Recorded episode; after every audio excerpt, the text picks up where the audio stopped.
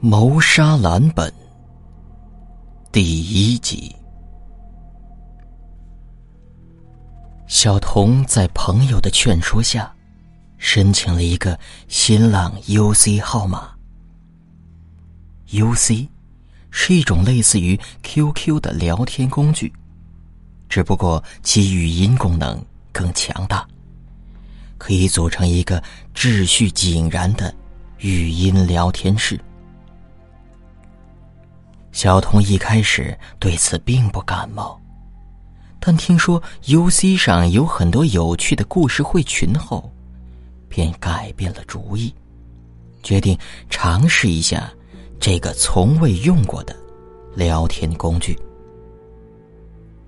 小童从小就比较喜欢听故事，尤其是鬼故事，还是在学生时代。他就收藏了好多鬼故事的录像带。每年联欢会上，他的保留节目都是讲一个让大家毛骨悚然的鬼故事。女孩子喜欢鬼故事的不多，但小童却把这个嗜好一直保持到参加工作。在网上寻找了好久。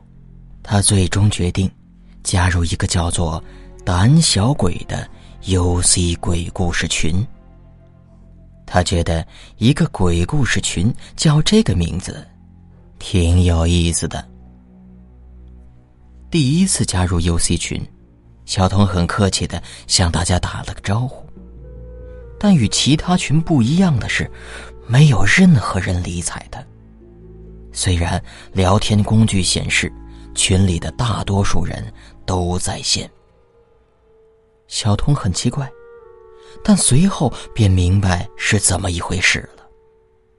大家都在听群主讲故事，可能没有人去注意屏幕，于是他便也戴上了耳麦。很不巧，群主的故事刚好讲完了。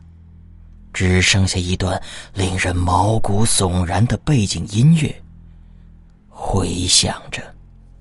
小童没少听鬼故事的磁带，对这种恐怖音乐再熟悉不过了。但这段音乐却让他感觉很不舒服。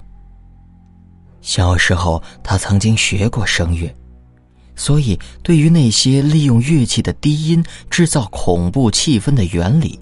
十分了解，但这段音乐却没有刻意的制造低音效果。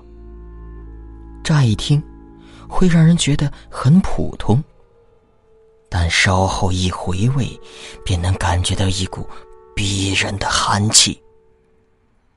小童下意识的抱起了肩膀，他承认，自己已经产生了生理反应。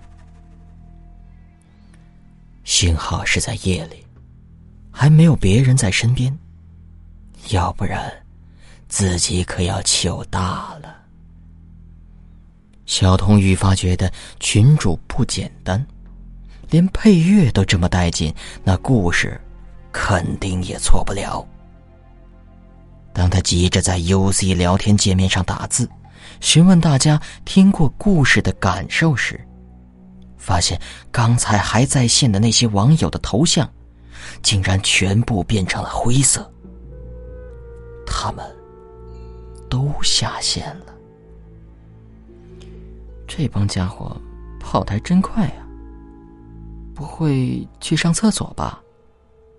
小童心里想着，他很想问问群主一般在什么时候讲故事，但看样子。他问不成了。就在小童要关上聊天器时，屏幕上跳出了一行字：“下个星期三晚上十点。”原来是群主发来的信息。小童很高兴，正想跟群主聊上两句，群主的头像也变成了灰色，他只好悻悻的下了线。看来。只能再等上一个星期了。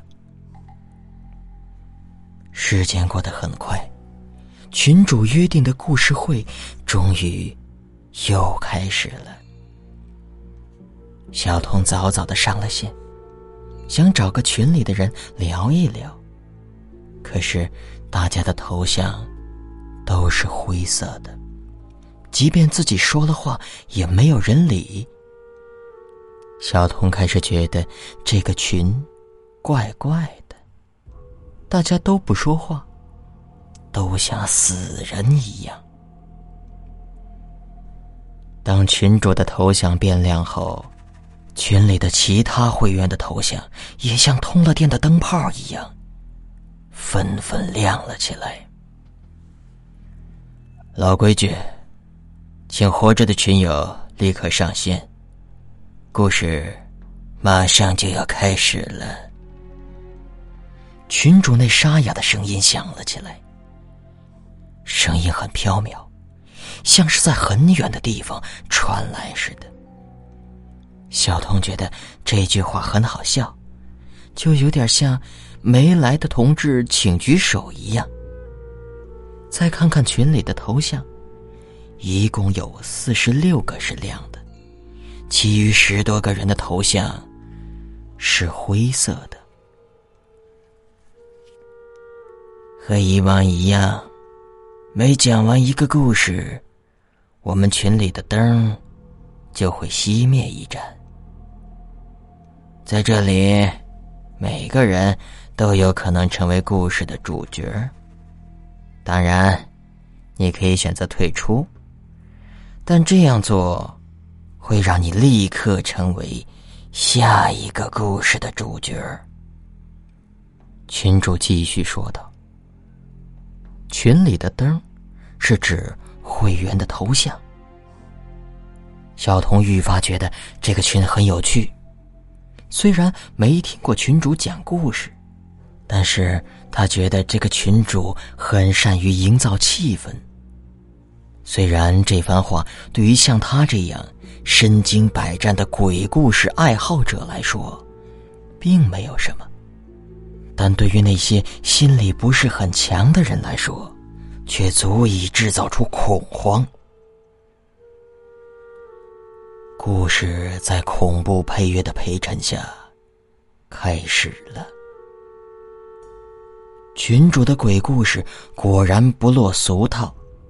虽然是鬼故事，但通篇都没出现一个鬼字。再加上故事的背景选在现代，很容易让人产生代入感。但中间有几个片段，的确够血腥恐怖，连小童这样的老江湖都想摘下耳麦，不去听。群主对细节的描述。太真实了，就像发生在眼前一样。鬼故事专场结束了，大家的头像再次变成灰色。小童也下了线，看看表，已经十一点三十了。关了电脑，来到洗手间，他发现自己的脸色很难看。故事中的细节像电影一样快速的在他脑海里回放。